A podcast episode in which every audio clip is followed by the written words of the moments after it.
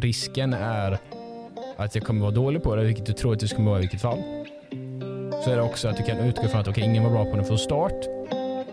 Så istället för att utgå från att du måste göra perfekt från start så inser du okej, okay, det blir obekväm. Jag tog det första steget, så bygger upp självförtroende. Som bygger upp att jag vill göra det mer, nu är jag självsäker. Sådär, varmt välkomna tillbaka till ännu ett avsnitt av CNU Podcast och varmt välkommen Tio. Tack, tack. Uppskattar. Härligt. Men du, jag tänker vi, vi bränner inte så mycket tid här. För jag vet att du ska iväg och jag ska iväg lite senare nu på dagen också. Så jag tänker vi börjar direkt.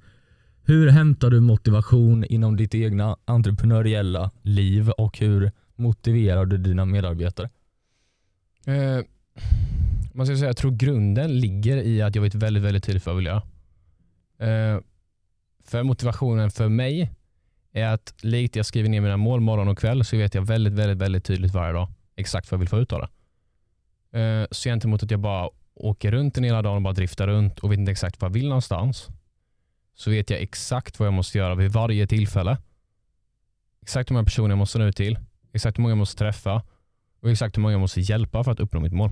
Så det blir väldigt, väldigt tydligt och väldigt svårt att gå ifrån och inte göra. Uh, och när det egentligen kommer till underkonsulter och så liknande så är det mer att jag anser att det är väldigt, väldigt viktigt, likt jag tycker, att måla upp en väldigt tydlig bild över varför de vill göra.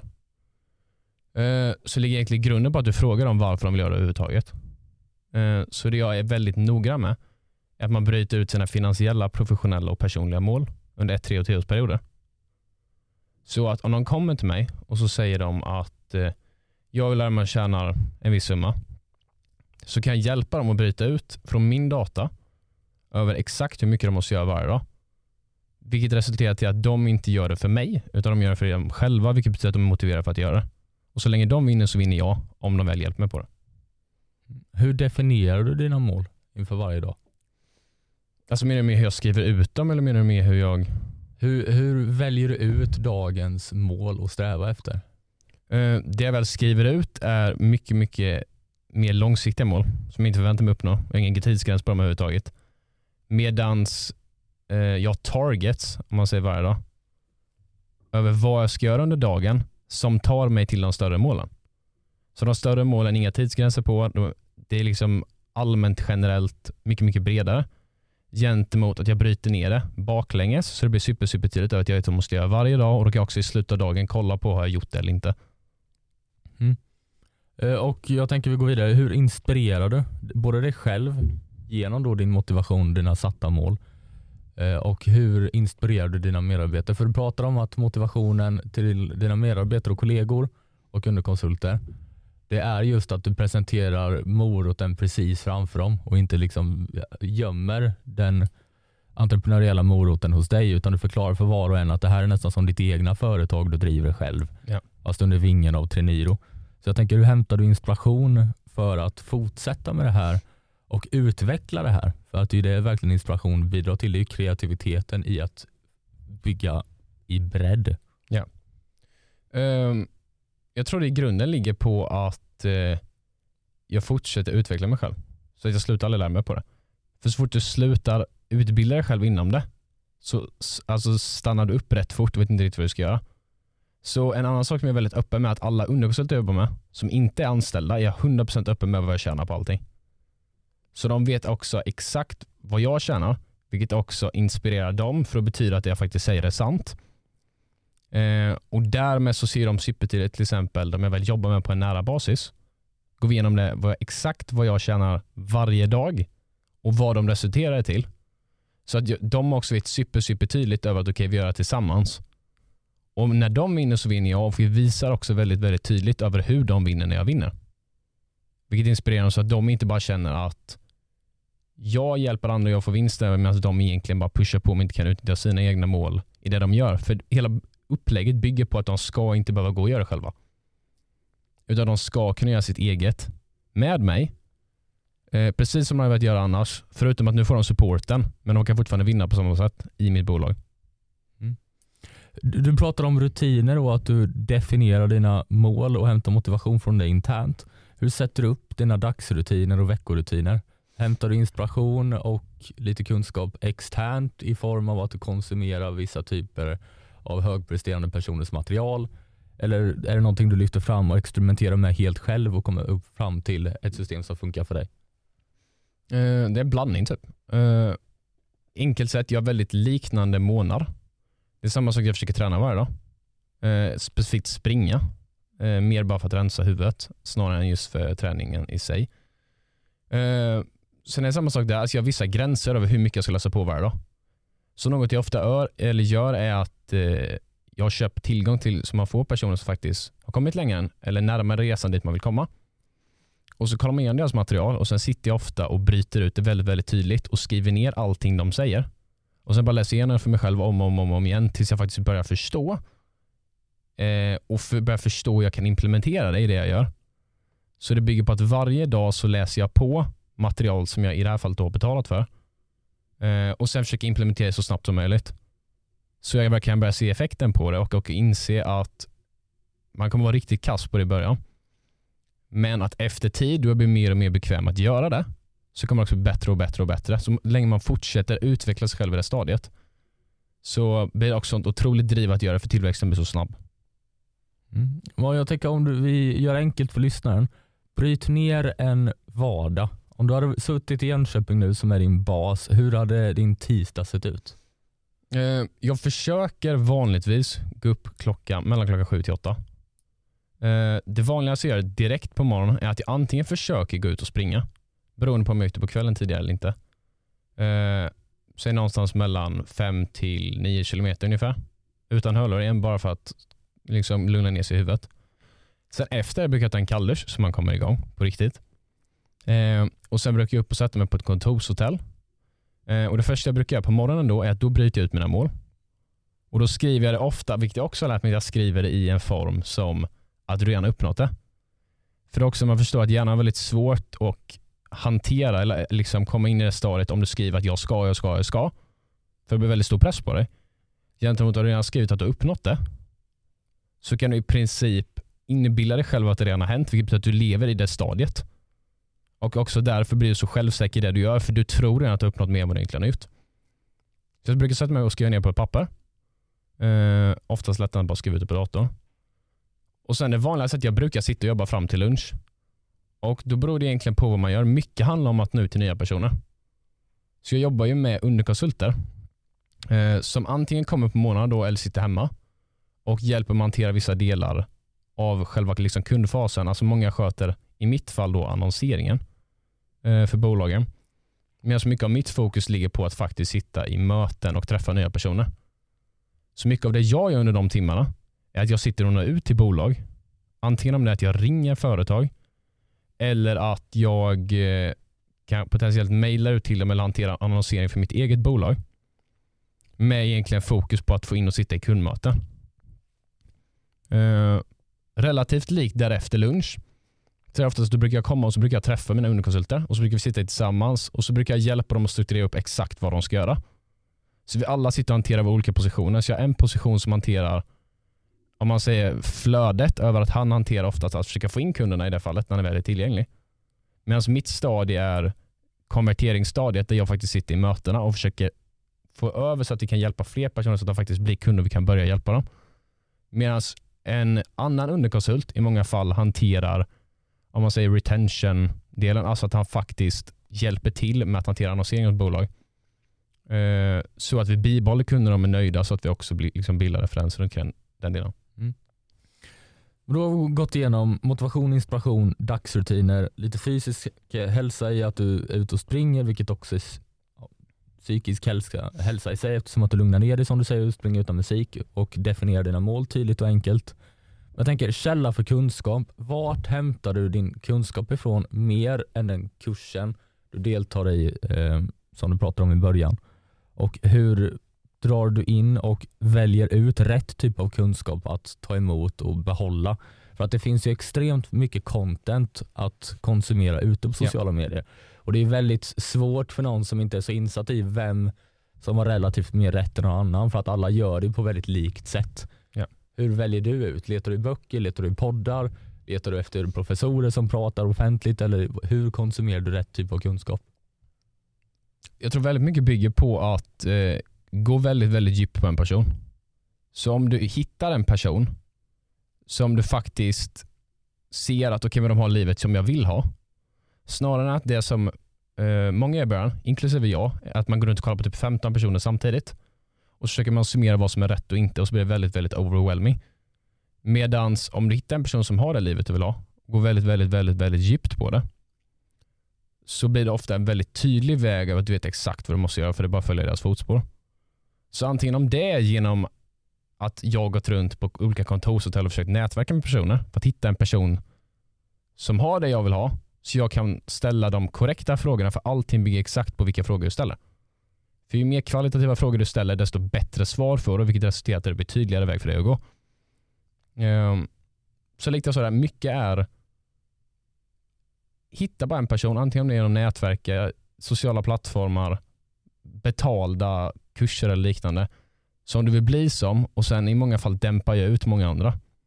Och bara så jag går väldigt, väldigt djupt på den personen så att jag kan gå så pass djupt så att jag vet exakt vad jag ska göra i varje steg. För om jag är exakt likadant som han gör i alla steg så borde jag till största chans få relativt liknande resultat. Det är intressant det du säger för att eh, du påpekar just det här med kvalitet och hög kvalitet på frågor egentligen högre chans för framgång när det kommer till svar än hög kvantitet av irrelevanta frågor. Men det tyder också på att den som väl ställer frågorna måste vara extremt på tårna på allt annat som är underliggande till frågan. Så om jag frågar dig en komplicerad fråga inom marknadsföring till exempel som du jobbar extremt mycket med. Då kräver det av mig innan jag ställer frågan att jag har koll på all underliggande kunskap som är kopplad till det. Ja. Hur tar man sig an den typen av kunskap? För att det är just det här, du pratar om att sitta på ett kontorshotell, du har kommit till den punkten av din eh, entreprenöriella karriär, så du har tillgång till, eller, till experter inom ditt område och frågar frågor på olika sätt och olika håll och kanter. Men hur kommer man dit? Eh, första steget ska man skaffa en plats på ett kontorshotell, ska man skaffa ett konto på en viss hemsida. Just den här baskunskapen, hur hittar man den enklast? Är det ChatGPT som blommar upp enormt just nu? Eller är det böcker eller hur hittar man kärnkunskapen? Uh, för mig började det med böcker. Uh, jag kommer när jag började introduceras till allting från start. Så var det absolut första jag gjorde var att börja köpa och läsa böcker.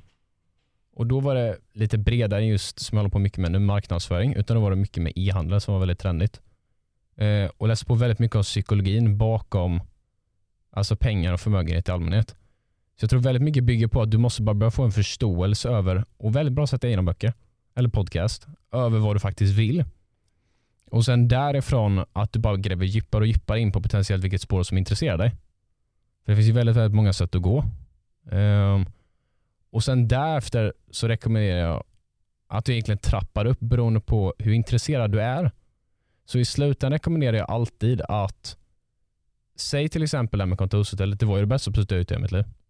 Så varenda sånt steg har en jätte, jätte, jättestor påverkan. För varenda gång, det är väldigt enkelt att analysera egentligen, för varenda gång du är obekväm att göra så borde du göra. För också man överväger risken jämfört med vad man faktiskt kan få ut av det. För snarare att se det som, jag gjorde i början, att man ser det som att ett kontorsställe kostar pengar och jag förstår inte riktigt meningen med att jag kanske kan sitta hemma. Så är det mer att, okej, okay, vad potentiellt kan du få ut då? Jo, du får ut nätverk. Vad resulterar nätverket till? Alltså du kan tänka mycket, mycket, mycket, mycket längre. Men genom de böckerna som jag läste i början angående psykologi så börjar man lära sig att man kan ställa sådana här frågor och när du ställer sådana frågor så får du svar som du annars inte får. Så mycket bygger igen på att vilka frågor ställer du dig själv? För om du ställer sådana frågor så är det väldigt, väldigt svårt att vara okej okay med att backa ifrån och inte testa det. Och bara glömma möjligheten. Känner du att det har varit lätt eller svårare, lättare eller svårare än vad du trodde att ställa svåra frågor till experter inom området på grund av ålder? Uh, inte direkt, det var rätt lätt. Med tanke på att uh, det är också en väldigt vanlig grej. Som mycket, mycket för mig handlar om psykologi. En väldigt vanlig grej också över att man tror oftast att för man själv tänker på någonting så tänker alla exakt likadant. Så ett dilemma som kan uppstå är att man tänker att jag är relativt ung och tänker man att folk kommer döma en för det. När egentligen de potentiellt inte bryr sig överhuvudtaget. Men att jag tror att jag bryr mig och därför borde de göra. Så om man också börjar utgå från det perspektivet i allting man gör och så tänker man, ja men jag är ny på det här, vem kommer ha förtroende för mig och så vidare. Bara för att du tror det betyder inte att folk tänker exakt likadant. Det är intressant det du säger, för jag, jag tror du kan hålla med mig på det här också. Vi håller med dig om det du pratar om nu. Det, det är just det här att jag känner desto yngre du är, desto större chans har du att kunna ställa en mer dum fråga utan att du döms som dum. Ja. För just det att du har den här åldersskillnaden. Eh, Jag, jag tror du kan hålla med mig på det. Man har ju ställt många dumma frågor som man har känt fem minuter efter man har ställt frågan. Ja men det var ju självklart. Det var ju självklart. Ja. Men det är just det som är grejen. Det hade ju inte varit självklart om du inte hade vågat ställa den här dumma frågan. Mm. Jag undrar lite hur du känner, du som har suttit på kontorshotell längre och så.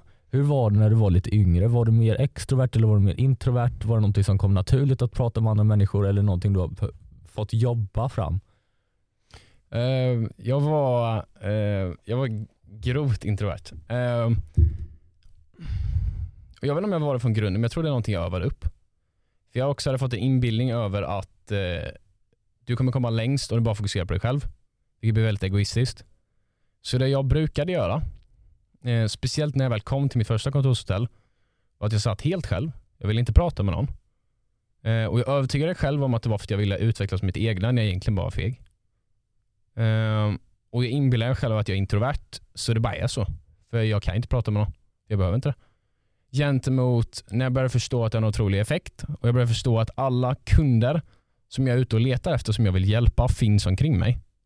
Istället för att jag bara sitter och skicka ut e-mail till hundratals personer som egentligen inte ens vill ha med mig att göra, så kan jag istället gå runt och prata med personer som specifikt är på ett kontorshotell för att nätverka, som faktiskt söker hjälp så blev det att så fort jag slutade vara så mycket uppe i mitt eget huvud och övertygade mig själv att jag var introvert och var okej med det.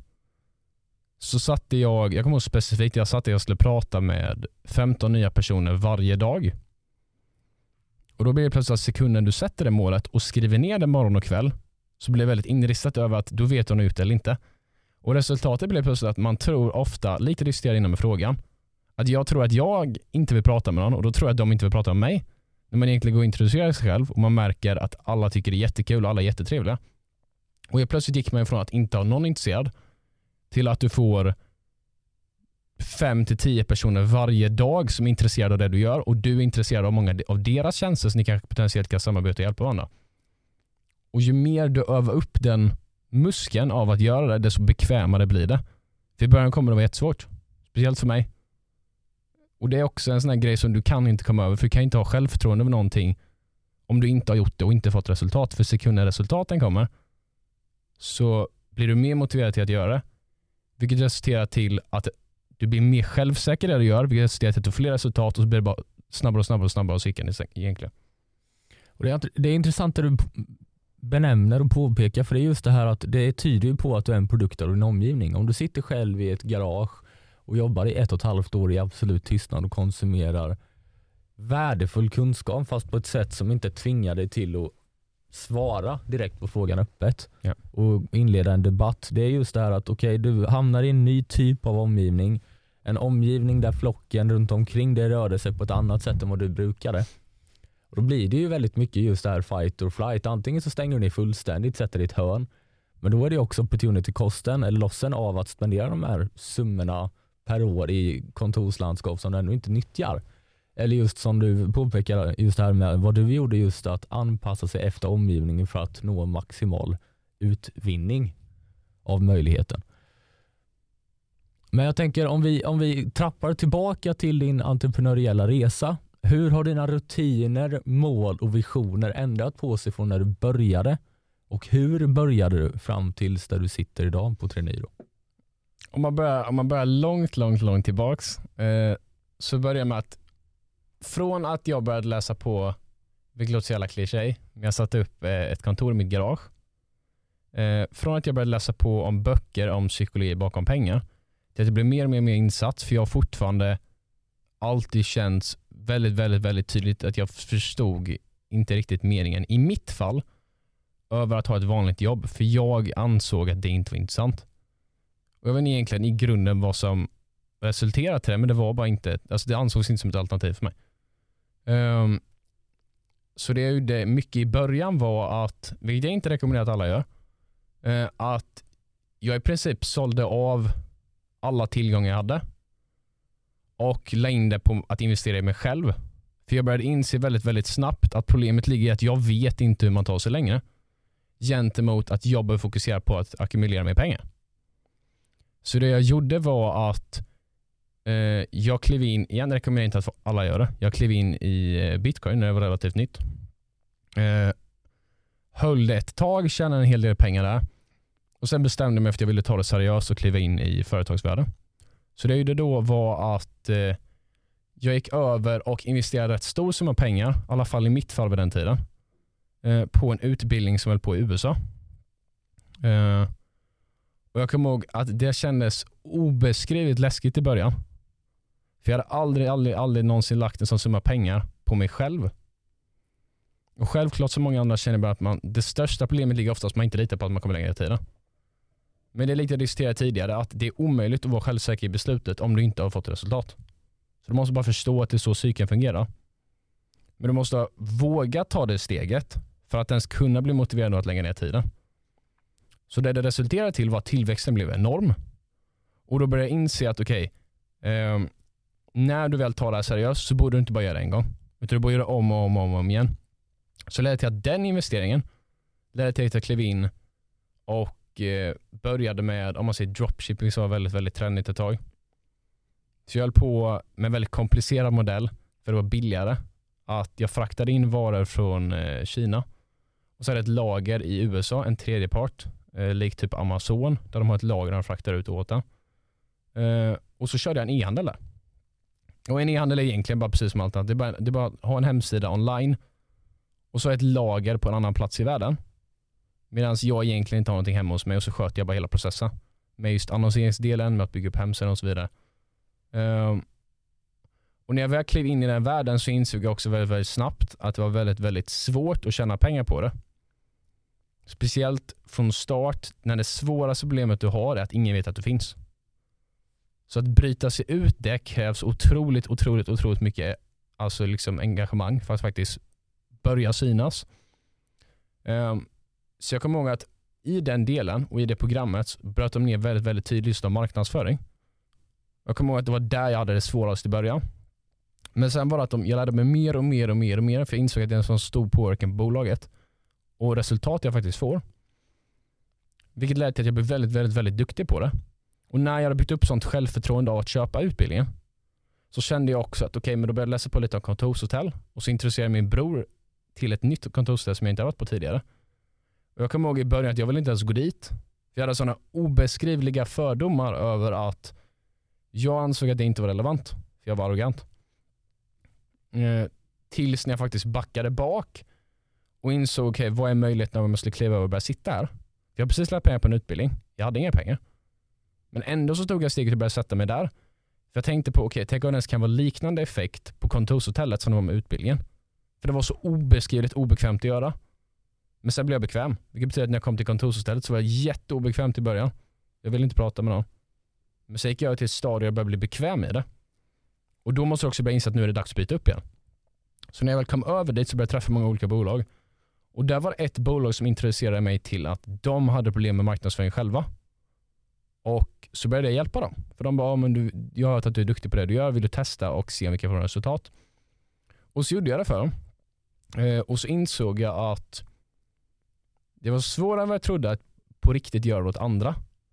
Men även att resultaten var så obeskrivligt mycket större. Uh, och Det absolut tyngsta som vägde var att jag gick från att hålla på med en e-handel där egentligen ingen vill ha min produkt till att jag klev in i någonting där alla ville ha det jag sålde. Så det resulterade också till att jag insåg helt plötsligt att det är sån obeskrivlig efterfrågan på just marknadsföring med tanke på att alla bolag behöver det. Så gentemot att sälja en flaska till en träningsprodukt som egentligen ingen behöver.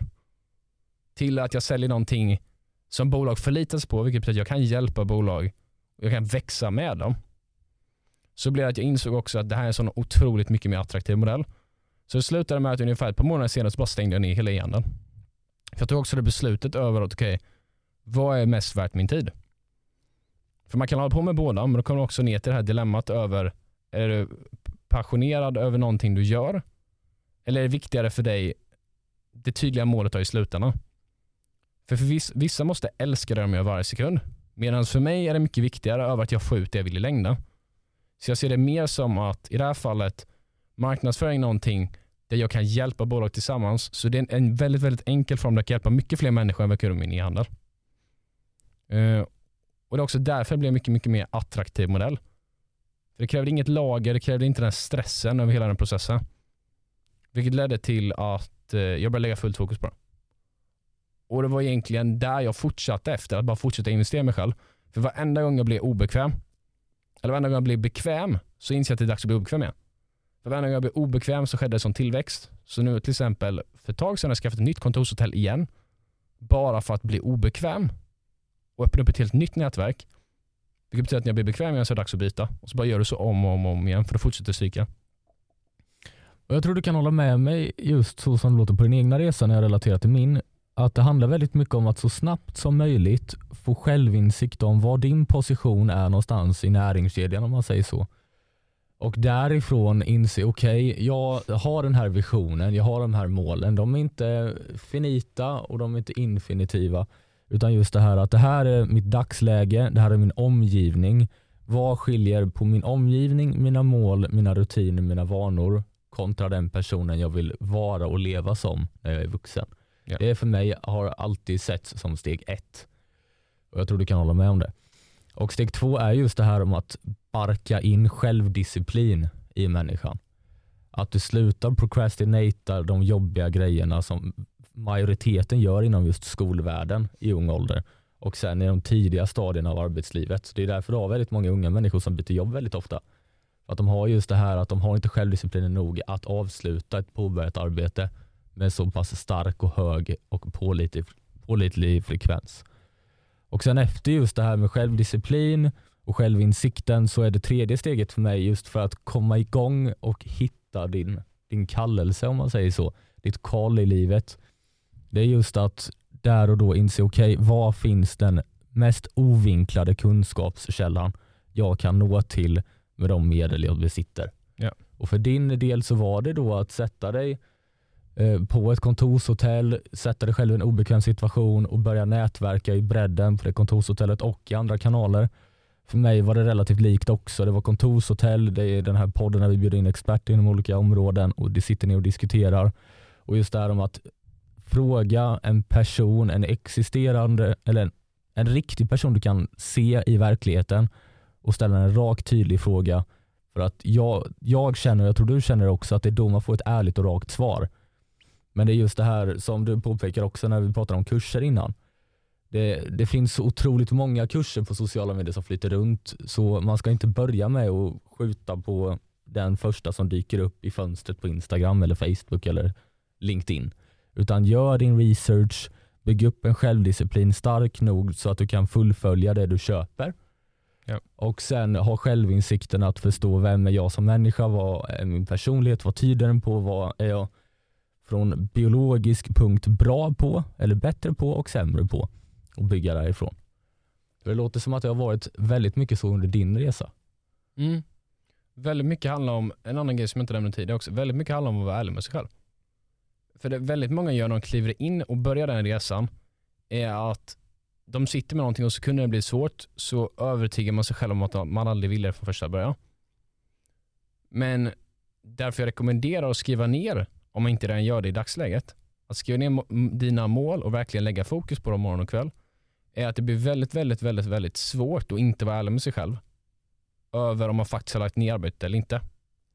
För det blir också väldigt, väldigt tydligt över att när det kommer till exempel en utbildning så är det att okej, okay, men vill jag verkligen göra det? Det finns även risken av att den är dålig. Jo, många är dåliga. Men då man också ser en tydlig bild över vad jag faktiskt vill få ut av det. Utan är mitt mål att jag ska köpa en utbildning eller är mitt mål att jag ska göra ett mycket, mycket större och potentiellt kan utbildningen ta mig dit. Så det många gör, inklusive jag i början, är att jag hade sånt obeskrivligt fokus på vad jag gör nu, nu, nu, nu, nu.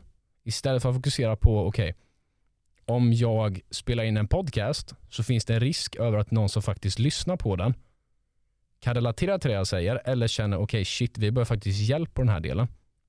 Eller han sa precis någonting som nu jag kan börja implementera själv till mitt eget företag. Och plötsligt har jag hjälpt en person så.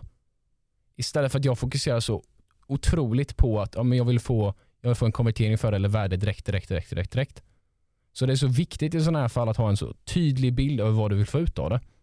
För då kommer du också inse att alla de här små stegen på vägen kommer ta dig dit och då märker du också direkt om du driftar av.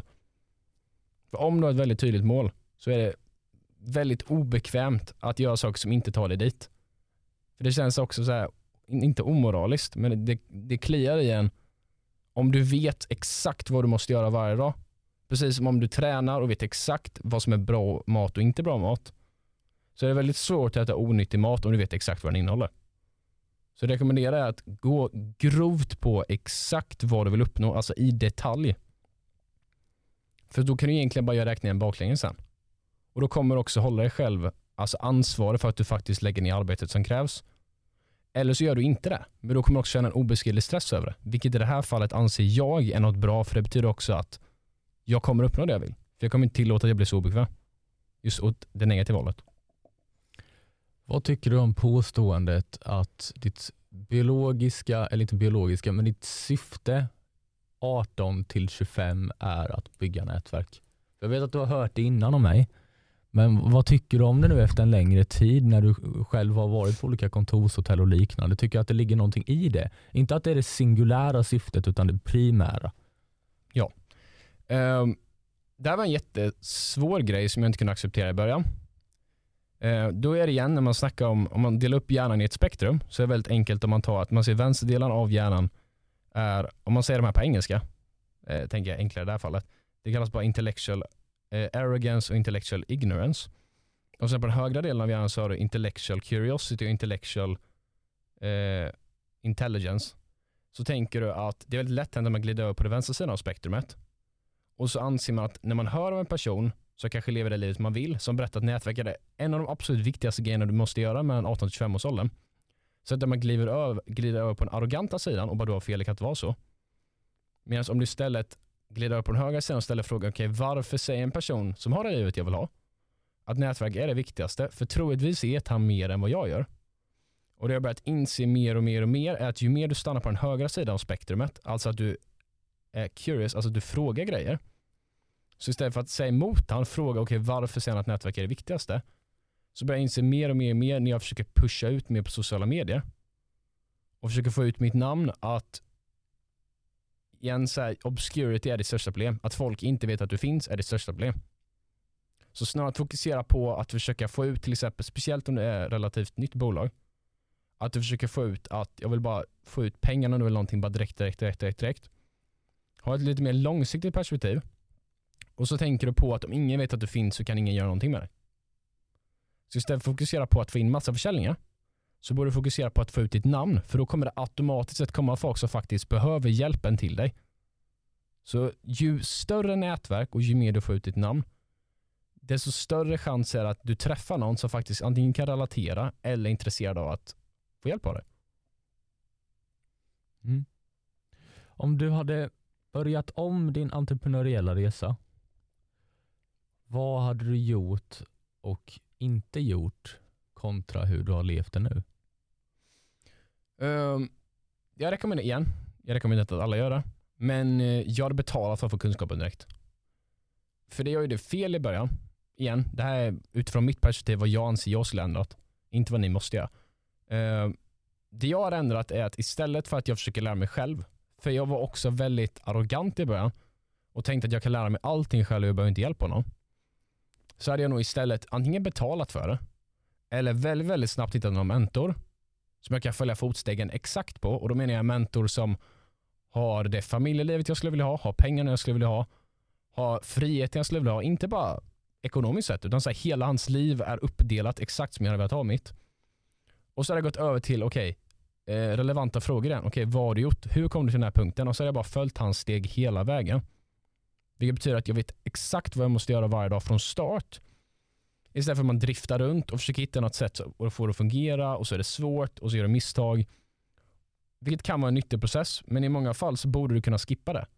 För jag upptäckt också av när, igen, alla behöver inte göra det, men när du betalar för grejer, är att du köper dig själv i princip tid. Som istället hade gått till en person, inte varit arrogant och sagt okej, okay, jag kan ingenting. Skulle du kunna hjälpa mig eller skulle du kunna guida mig och ge han ett värde istället för att tjata på honom? Till exempel att jag skulle kunna jobba gratis hos dig i ett år om det enda jag fick göra var bara att jag fick kolla på när du arbetar. Då hade jag troligtvis lärt mig mycket, mycket mer där än om jag hade suttit själv och läst böcker, hållit på med hela den processen, hållit på med e-handel i USA och så vidare. För då hade jag skippat allt det. Och istället bara insett att jag kan ingenting och jag måste lära mig och pengarna i, i nuläget var inte problemet. Utan problemet låg på att jag hade inte kunskapen. Så att man går den vägen istället. Men det är många har väldigt svårt med i början. Är att de inte kan acceptera och vara okej okay med att säga inför andra att jag kan ingenting. För det, det skadar egot i många fall. Vilken plattform har du använt? Eh, för att hitta en person eller för att uh, få ut mitt eget namn? För att få ut ditt eget namn på en så bra nivå som möjligt samt hitta en mentor. Um, det är en bra fråga. Um, jag har använt alla. Speciellt ur ett eget perspektiv. Om du vill få ut ett namn, använd allihopa. För, för det som uppstår till exempel med TikTok och det är att, och igen, jag är duktig inom marknadsföring, kanske inte en expert om ett TikTok-konto eller influencers, men det som ofta händer är att så fort du börjar förlita dig på en källa så blir det väldigt, väldigt riskabelt med tanke på att om någonting sker där så har du i princip ingenting annat att övergå till. Så snarare att förlita dig på till exempel, jag vill synas mycket på Instagram för jag får mycket räckvidd där, så bör ditt fokus vara på att du ska synas på alla plattformar. Och du ska vara frekvent på alla plattformar. För det jag märker också är att ju mer frekvent är desto mer kommer folk ihåg dig. För om du kollar på alla annonser med alla stora bolag i hela världen i princip så ser du McDonalds överallt, du ser Starbucks överallt. För definitionen av det i princip, det kallas omnipresence, att du är överallt på samma gång. Så snarare att ditt fokus ligger på så många i början, igen det här är min insikt, för det märker jag ett annonseringssyfte med, är att det, inte, det viktigaste är inte att annonserna är perfekta, eller att budskapet är helt perfekt. Utan det viktigaste är att du kör flertal så det är frekvent på marknaden. För ju fler gånger någon ser det, desto större chans är att de gör någonting. Med tanke på att statistiskt sett så sker 80% av alla försäljningar mellan den 7 till 12 punkten du träffar någon. Så istället för att fokusera på att den första ögonblicket måste vara helt perfekt så bör du istället fokusera på att okej, okay, hur kan du ut till dem 7 till 12 gånger? Kanske inte med dålig content, men med content där du faktiskt är med så att de börjar se dig mer och mer och mer. För ju mer du syns desto högre förtroende får du för någon och de behöver inte ens ha gjort någonting. För det är samma som alla stora bolag. Du ser Apple överallt. Och du ser produkter överallt, vilket betyder att du har större förtroende för det de gör. För det bildar också den här psykologiska effekten över att de är större än vad de är. Bara för att du ser dem överallt. Oh. Det är intressant för att det är där du och jag skär oss nog mest tror jag. Men det är också sådär, det ligger i min nästa fråga också. Vad är bäst? Är det, bäst, är det bättre, din åsikt då, att ta ett flertal olika typer av mentorer inom olika typer av branscher som inte exakt matchar din? Helst då en eller två inom just din bransch, men ett flertal i bredd. Eller är det bättre att ta en spetskomponent inom en bransch, ett spjut och följa den personen som mentor? Vad tycker du?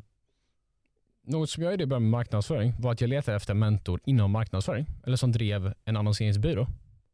Ehm, men jag hade också ett svårt i det fallet att hitta någon som hade uppnått exakt det jag ville. För det är väldigt, väldigt, väldigt många stora bolag. Men på sättet jag vill uppnå anser jag var väldigt, väldigt svårt. Och igen kan jag överglädja till att jag kanske var arrogant i just den delen.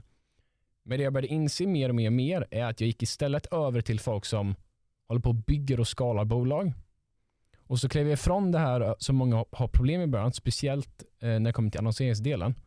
Att väldigt, väldigt många, inklusive jag när jag började, antyder att eh, ens företag är obeskrivligt annorlunda, vilket alla är. Men att man istället kliver ifrån, okej okay, jag kanske inte behöver en mentor inom just marknadsföring. Jag kanske behöver en mentor över någon som allmänt vet hur man skalar ett företag. För principen är detsamma oavsett vad du gör. Så istället för att lyssna på någon som driver en annonseringsbyrå och deras tips och tricks, vilket man kan göra. Det borde du göra också.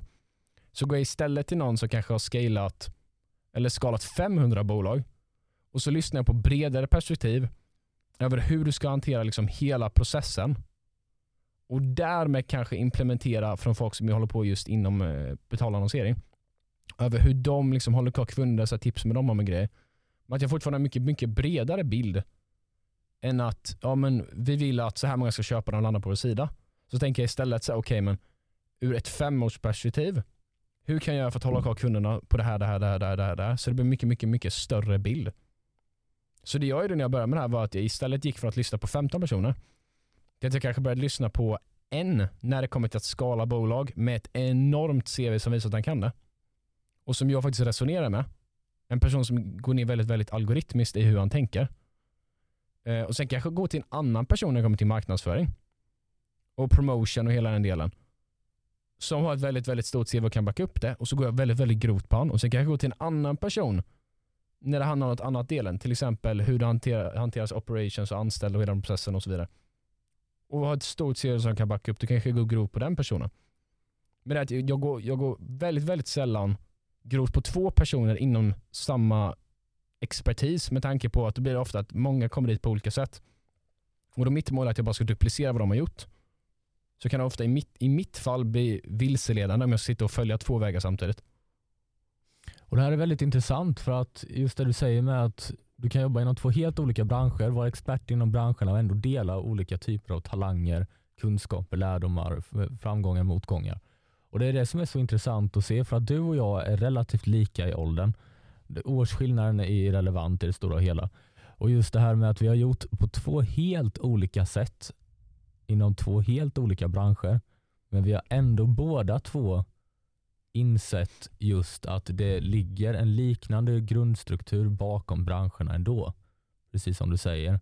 När det kommer till självinsikt, självdisciplin, eh, kunskapssökande och just att man formaterar och är adaptiv när det kommer till nya typer av omgivningar och möjligheter och att man just vågar ta de modiga besluten. Och Det är väldigt intressant för att det tyder också på att lås inte in dig på en bransch bara för att det kanske är den som är mest trendig till att man ska visa upp att man har tjänat så mycket pengar som möjligt på TikTok eller Instagram. Ja. Just som när krypto smällde, då var det krypto precis överallt. Det betyder inte att alla andra branscher höll på att gå i graven, absolut inte. Utan det är just det här som jag tror du håller med mig om, att identifiera vem du är. Vad är du bra på från start? Är det värt att omformatera sig åt ett håll som massa rör sig åt som ändå kommer bli urmjölkat de kommande 10, 15, 20 åren? Eller är det kanske mer värt att sätta sig ner, kolla igenom sig själv, okej okay, personlighetstyp. Är jag relativt mer introvert eller extrovert? Okej, okay, jag är mer extrovert. Då kanske jag ska göra någonting inom den här bubblan. Eftersom att precis som du säger, det är fortfarande en liknande grundstruktur. Så så länge du förstår grunden så spelar det egentligen ingen större roll vart du hamnar så länge du känner att du kan maximera det. Ja. Men jag tänker vi ska avrunda här, eh, för jag vet att du måste sticka. Men jag tänker om du tittar in i kameran och så lägger du ditt bästa tips till någon som precis har börjat tänka på att starta sitt egna bolag och inte har någon aning om vad första steget är. Uh, beror på hur brett man går. Uh, bli obekväm. Det är inte svårare än så. Eh, och följ den mallen över att om det är någonting bra för dig, för annars borde du inte göra det. Och du blir obekväm. Ju mer obekväm du blir, desto mer borde du göra. För det är det i princip allt bygger på. För det betyder också att ju mer obekväm du är, desto mer tillväxt kommer du få. För det här är någonting som du inte har gjort tidigare. Så snarare att du ser det som att det är något negativt, att nu blir jag obekväm då vill jag backa. Det att om du backar så kommer du ha exakt samma sitt som innan. Medan om du faktiskt gör det du är obekväm över och inser att okej, okay, risken är att jag kommer vara dålig på det, vilket du tror att du kommer vara i vilket fall. Så är det också att du kan utgå från att okej, okay, ingen var bra på det från start. Så istället för att utgå från att du måste göra perfekt från start så inser du okej, okay, nu blir jag obekväm. Jag tog det första steget som bygger upp självförtroende, som bygger upp att jag vill göra det mer för jag är självsäker, som bygger upp att du kommer få resultaten och så speedar upp den cykeln igen. Så i princip blir obekväm. Tack så jättemycket brorsan. Mm, trevligt. Ha det så bra.